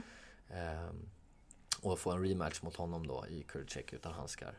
Så att där är en plan att köra mot honom. Och sen så har jag nog rent faktiskt tackat ja till den här matchen i februari som är i Malaysia mot, jag kommer inte ihåg vad han hette, men det är någon thailändare. Är det 63 eller 67? Det, de försöker få det på 66 då. Jaha. Men jag har sagt det, jag kör max 65. Okej. För att han är ju större än mig. Och han är mycket mer erfaren. Jag tänker inte bjuda på så mycket. Nej. Jag bjöd på Signam, kommer jag ihåg. De sa först 62, men då skulle jag möta Jodshai. Och sen två veckor innan så bara, ja ah, du får möta Signam. Ja, Okej. ja, då visste jag faktiskt inte ens vem han var.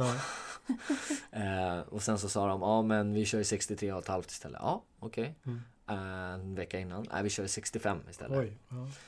Jaha, okej. Och sen bara några dagar innan. Blir Kan vi 60. köra 66? Och jag bara, nej men då får ni faktiskt, jag vill ha dubbla då. Ja. Då vill jag ha alltså, dubbla lönen. Eller för ni kan inte ändra sig. Men jag har ju bantat liksom. Och ska han bara för att han sitter där och fått käka och... Pösmunk. Precis.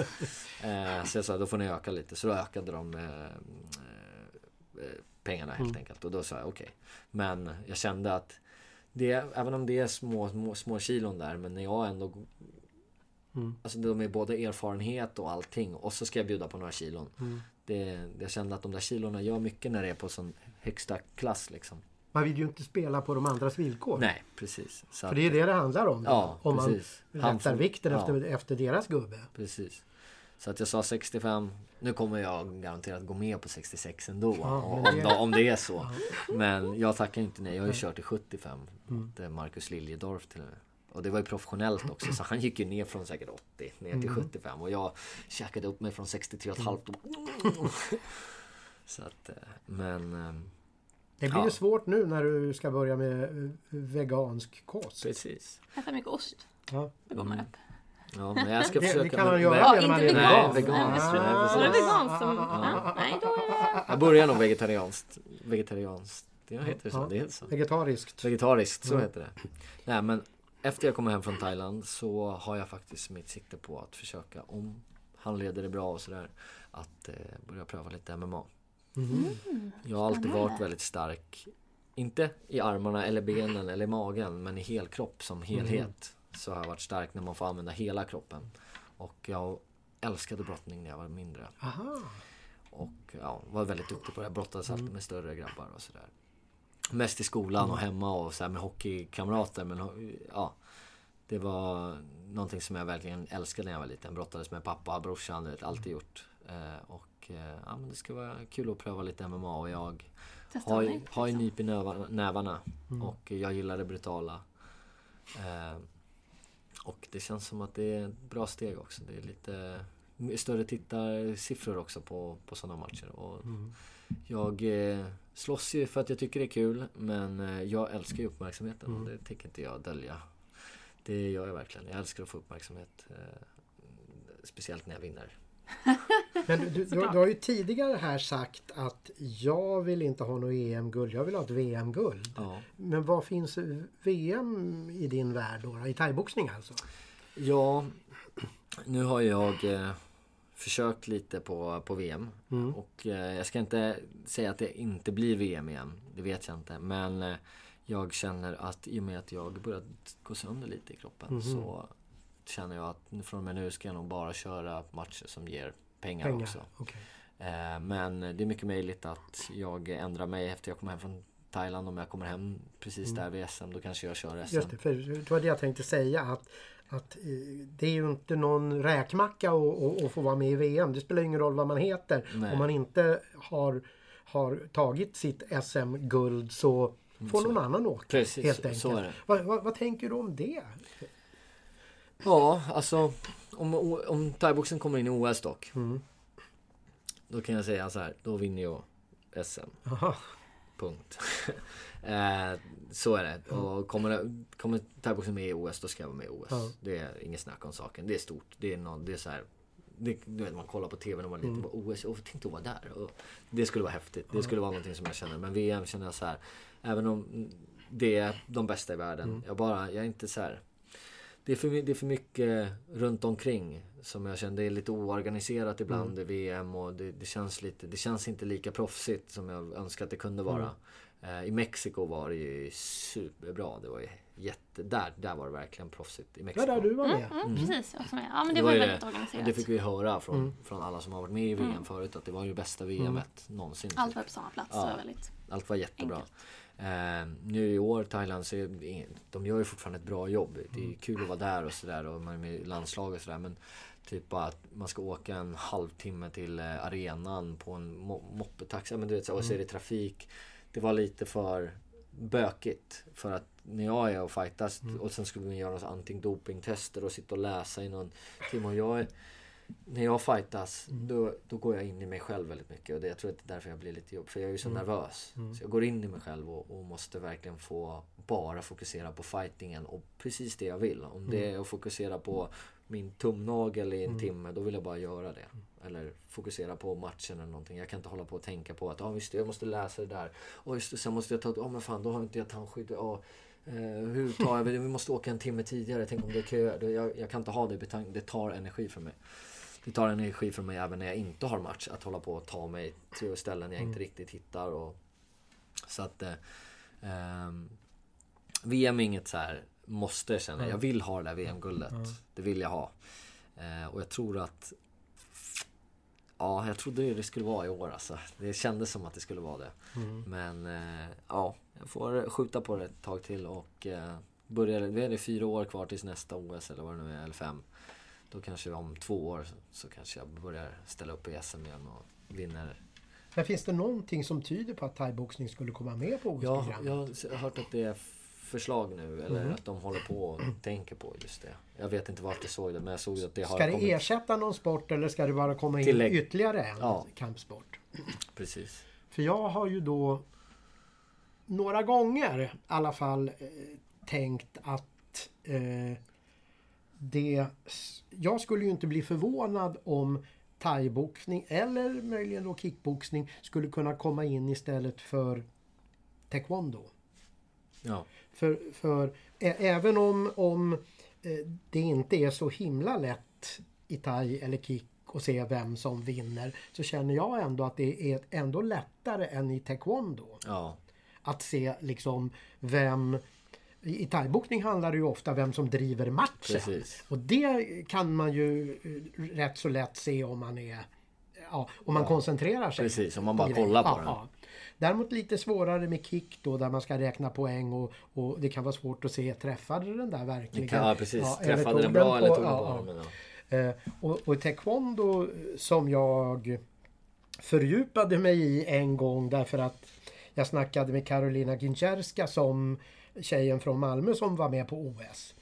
Och när jag kollade då på hennes matcher, det var ju jättesvårt att se. Ja. Eh, Liksom just på den här, på den här mattan Ja. i fram om, om hur det var med, med det. Så, så Nuddar då- den eller snuddar den, Så liksom. då, då har jag alltid tänkt att om, om någon ny sport ska ut skulle jag inte bli förvånad om det var den de lyfte bort. Därför att den är är ganska ensidig också just i och med att det är sparkar bara. ja, precis. Annars så eh, skulle man ju kunna tänka sig andra eh, kampsporter också som skulle kunna vara med och konkurrera. Men, men eh, ja. Jag tror att det är därför eh, de har gått så. Det är därför det har varit lite jobbigare nu de senaste, två senaste åren på VM. Mm. Okej. Med att du vet de har antidoping, Ja. du vet, måste göra tester, Ja, måste okej. skriva och eller plugga typ Ja. om varför det är dåligt och sådär. Okej. Och, och göra internettester. De har mycket med vikt för att de ska göra det så bra och så hälsosamt som möjligt. Ja. Att få, att, så här, våra, våra utövare är eh, vad heter det? utbildade i, i thaiboxning, inte bara eller i allt liksom. Så att de, de försöker göra det så snyggt som möjligt för att det ska komma in i OS. Vad jag har förstått att det, du kanske kan det bättre. Jag vet ju att det finns en process Okej. där, där eh, thaiboxningen nämns i att Mm. vara en liksom, framtida kandidat. Sen vet jag inte var i processen det är, om det är om fem år, tio år, 20 år. Det, det, det vet man ju inte.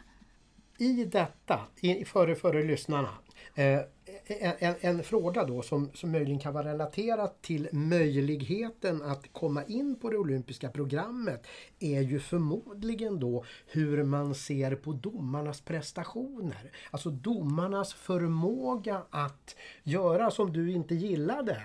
Nämligen tillsammans med doktorn bryta matchen när pannbenet syns. Eh, Du som har, har, har varit ute i världen och, och, och fightats och även här. Vad, vad har du för, i, i grunden för uppfattning om kvaliteten på domarskapet?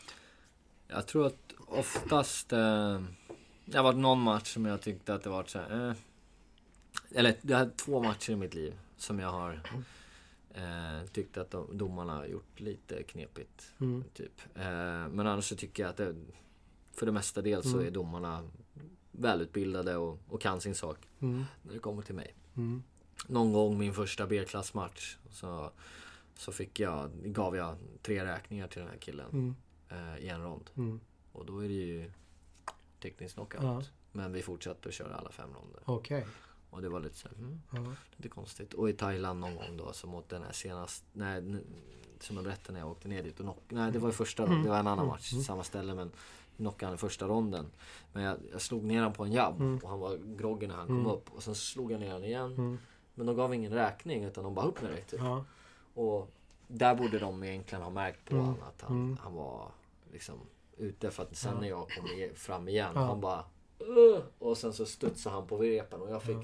100% full, Mm. full träff så här när han kommer tillbaka. Mm. Och jag kommer ihåg vi firade i ringen och, och tog bilder och allting och klubben kom upp och sen så när vi var på väg ut från ringen så ser jag att han är kvar. Ja.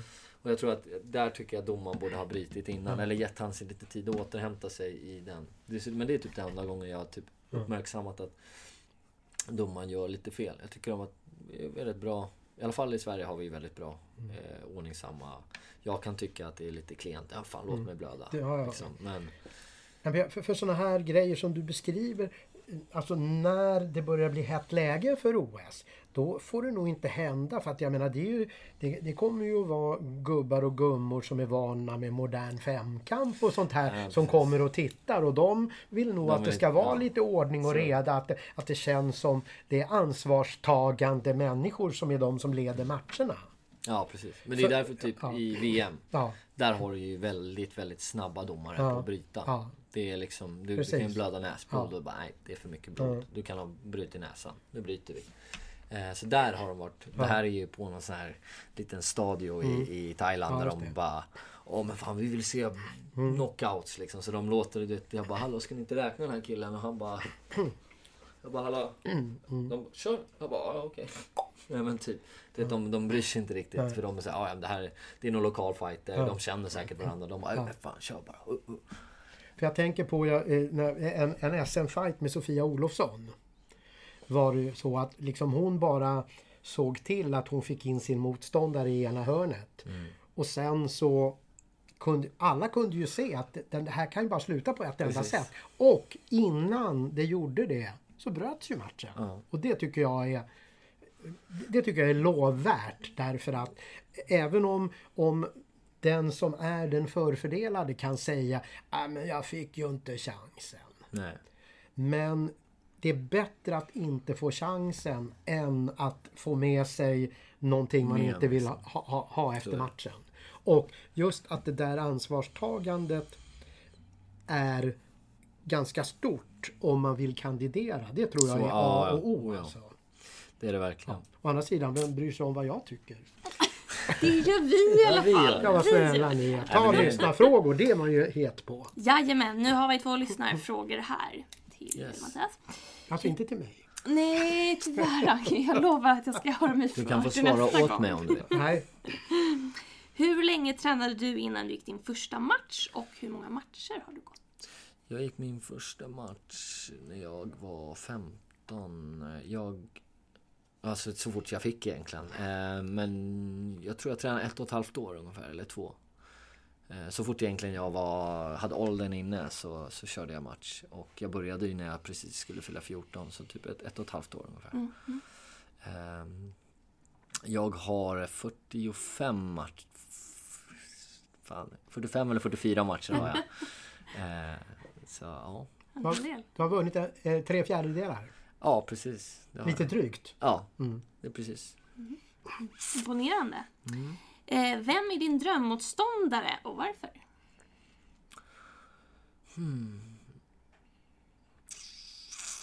Jag skulle nog vilja möta... Åh, den är svår. Ja. Får jag säga fler? Absolut. Jag skulle vilja möta, vad heter han, Jonathan Haggerty som vann One. Eh, för, eller som blev One världsmästare. Men sen förlorade han mot, var det Rodtime? Ja, tror jag. Ja. Eh, så jag skulle möta, vilja möta Jonathan Haggerty. Eh, och sen skulle jag vilja faktiskt möta Liam eh, Harrison. Skulle jag vilja möta.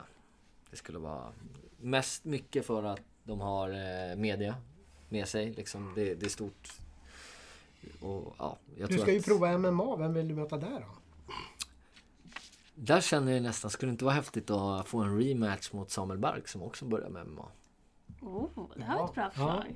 Spännande. Skulle vara kul. Vem Men- lanserar vi det här för då? Det- Vi, kanske måste, bjuda, vi måste bjuda hit någon. Mm. Nej men det, det skulle vara lite häftigt. Och egentligen jag... Jag, jag har alltid varit, jag har sagt, jag möter vem som helst egentligen. Jag har alltid gjort. Eh, som håller på, åh mötte Signam. Jag bara, ja.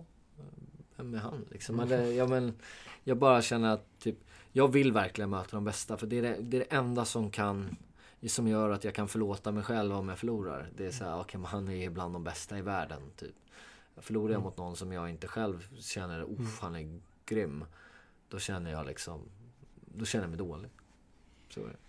Du sa ju att du gillade brottning. Men hur mm. bra är du i brottning? Det ju, blir ju en fråga sen i MMA. Du kan få pröva lite om det. eh, jag tror faktiskt att om vi, kan, om vi kollar bara på en, på en standard människa, om vi säger någon mm. som är i min storlek, så då vinner jag nog alla som inte har kört brottning. Mm. Det tror jag, mm. övertygad om nästan. Eh, jag är Alltså jag vet inte om, om det, det, bara ligger typ i mig. Alltså, jag har alltid brottats. Jag har alltid mm. gillat att brottas. Och jag kommer ihåg vi körde brottarfys med hockeylag och sådär. Och då hade vi en brottningstränare, mm. han Martin, vad hette han? Lidberg. Lidbergs mm. brorsa mm. var det då. Som höll våran brottarfys tror jag. Och eh, jag kommer ihåg att, jag tror vi körde, de hade någon i våran ålder då som kom dit och brottades med oss. Jag kommer ihåg att han var ju någon så här junior svensk mästare. Vi var ju typ 10 bast. Mm. Men jag vet också att liksom han fick också Vet Så att, men eh, nej men jag, jag, tror att jag är jävligt bra i brottning. Även om jag inte har kört. Jag har inte brottats på länge. Eh, men skulle jag jämföra med någon som kanske kör brottning, då har jag väl inte mycket att komma med. Men jag tror bara generellt om du blandar ihop med att man boxas och brottas mm. så tror jag att jag kan göra bra ifrån mig redan direkt. För att jag, jag har brottningen men jag har ändå boxningen mm. och jag gillar ju det här, så här Mm. Det brutala. Jag vet inte mm. jag ska, det ligger bara i som instinkt i att så här, om jag brottar dig så här. Mm. Då kommer inte jag, om vi, om vi kör med mm. boxning också när vi brottas. Då kommer inte jag tänka, åh jag håller här och sen så släppa dina händer fria. Utan jag har alltid det i huvudet bara att mm. så här, det kommer slag också och tänker på att ge slag. Och jag tror att brottning, jujutsu, alla de här övningarna. Eller alla de här sporterna. Mm. Så, så måste du kunna ha ett lugn och ett tänk när du brottas. Mm. Det sker inte alltid på automatik. Åh, det hände här och slingar det här. Utan du måste så här, hmm, Du måste känna vart han trycker, vart han gör. Och kunna tänka, hur ser det ut när någon står härifrån? Vad är det mm. jag ska göra? Hur har jag sett? Jag tror att du måste kunna tänka mycket och hålla ett lugn. Och jag är väldigt lugn. Mm. Alltså, jag tänker jättemycket match. Eh, Även om det inte alltid blir som jag tänker mig. Men så mm. tänker jag mycket match. Oh, nu gör han det här, nu gör han det här, nu gör han det här. Nu har jag gett två frontkicks här. Undrar om han tror att jag kommer frontkicka igen. Mm. Ja, oh, det gjorde han. Och, mm. alltså, jag har ett, någon typ av lugn. Även när jag blir slagen i facet mm. så har jag tanken i huvudet kvar. Oh, fan den där satt. Nu måste jag hålla upp händerna mm. Mm. och nu måste jag visa att jag går framåt nu. Nu går jag framåt. Typ. Och jag tror att det är en bra egenskap när du brottas. Att kunna lugna tänka igenom vad man gör. Och inte Absolut. hetsa upp sig och så här, oh shit. Vad gör du nu då? En sån här vanlig dag nu när vi är färdiga här? Ha... Nu har jag jobbat. Ja. Och... Eh, eh, eller nu, nu jobbar jag egentligen. Mm. Men eh, en vanlig sån här dag då åker jag hem och sen så lagar jag mat. Och sen så tränar jag och sen så sover jag. Mm. typ. Jag gör faktiskt inte mycket. Nej, okay. Det är ja. väl sådana man håller på med. Precis. Elitidrott. Det blir så... Det är mm. som styr ens schema. Jag försöker hålla mig med kompisar också lite. Jag kan ju... Jag, har, jag, jag slits ju lite av två världar. Det är väl därifrån jag kanske skiljer mig lite från vanliga elitidrottare och sådär. Det är att jag försöker ha ett uteliv också. Jag, jag kan medge att jag gillar att ha kul. Nu får jag ju lägga det på, på hyllan men när jag får chansen att gå ut i alla fall och träffa folk och snacka. För jag är extremt social. Ni hör, jag bara babblar. Ni frågar en fråga, jag babblar i fem minuter. tills nästa fråga kommer. Och jag måste få utlopp för det. Jag måste få prata med, med folk, med, med tjejer. Jag måste få flirta. Jag behöver inte ens, du vet, så här, jag behöver inte gå hem med någon eller sånt där. Jag, jag måste få flirta. Jag måste få känna att jag fortfarande är aktuell på marknaden eller vad man ska säga. Och jag vet inte om alla riktigt känner sig. Många verkar vara så inriktade i sin sport som är lite du vet, de lever bara det.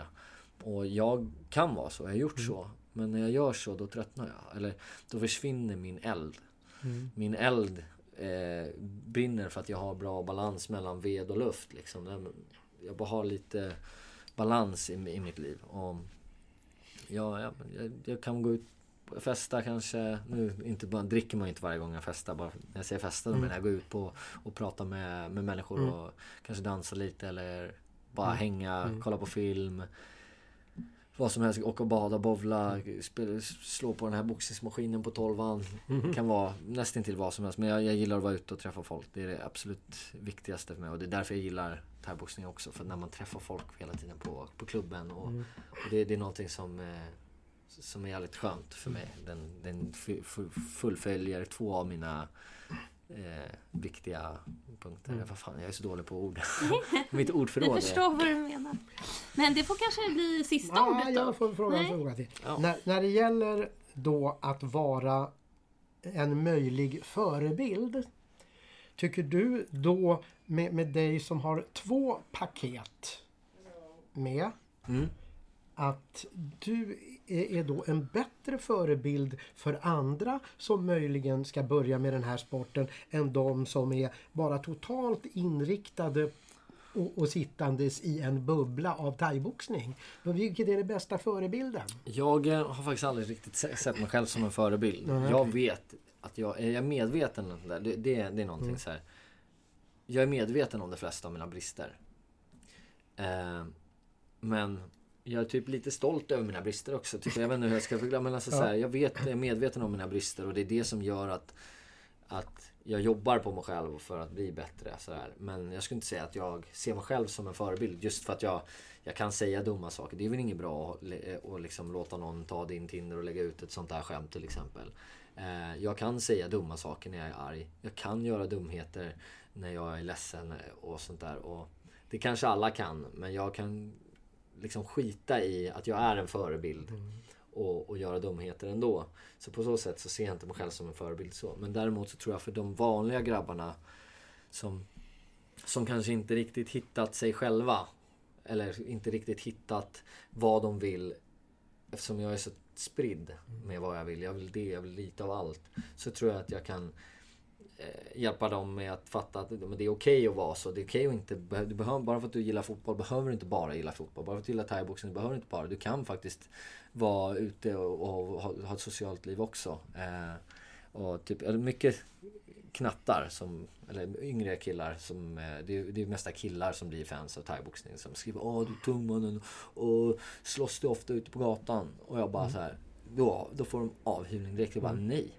Verkligen inte. Det tuffaste som finns det är om någon ger en smäll och du säger Hörru, varför gör du sådär? Mm. Kom så tar vi en bira. Jag mm. bjuder. Så ska vi snacka igenom det. Mm. Det är tufft. Mm. Det är inte tufft att slå tillbaka. Typ så här.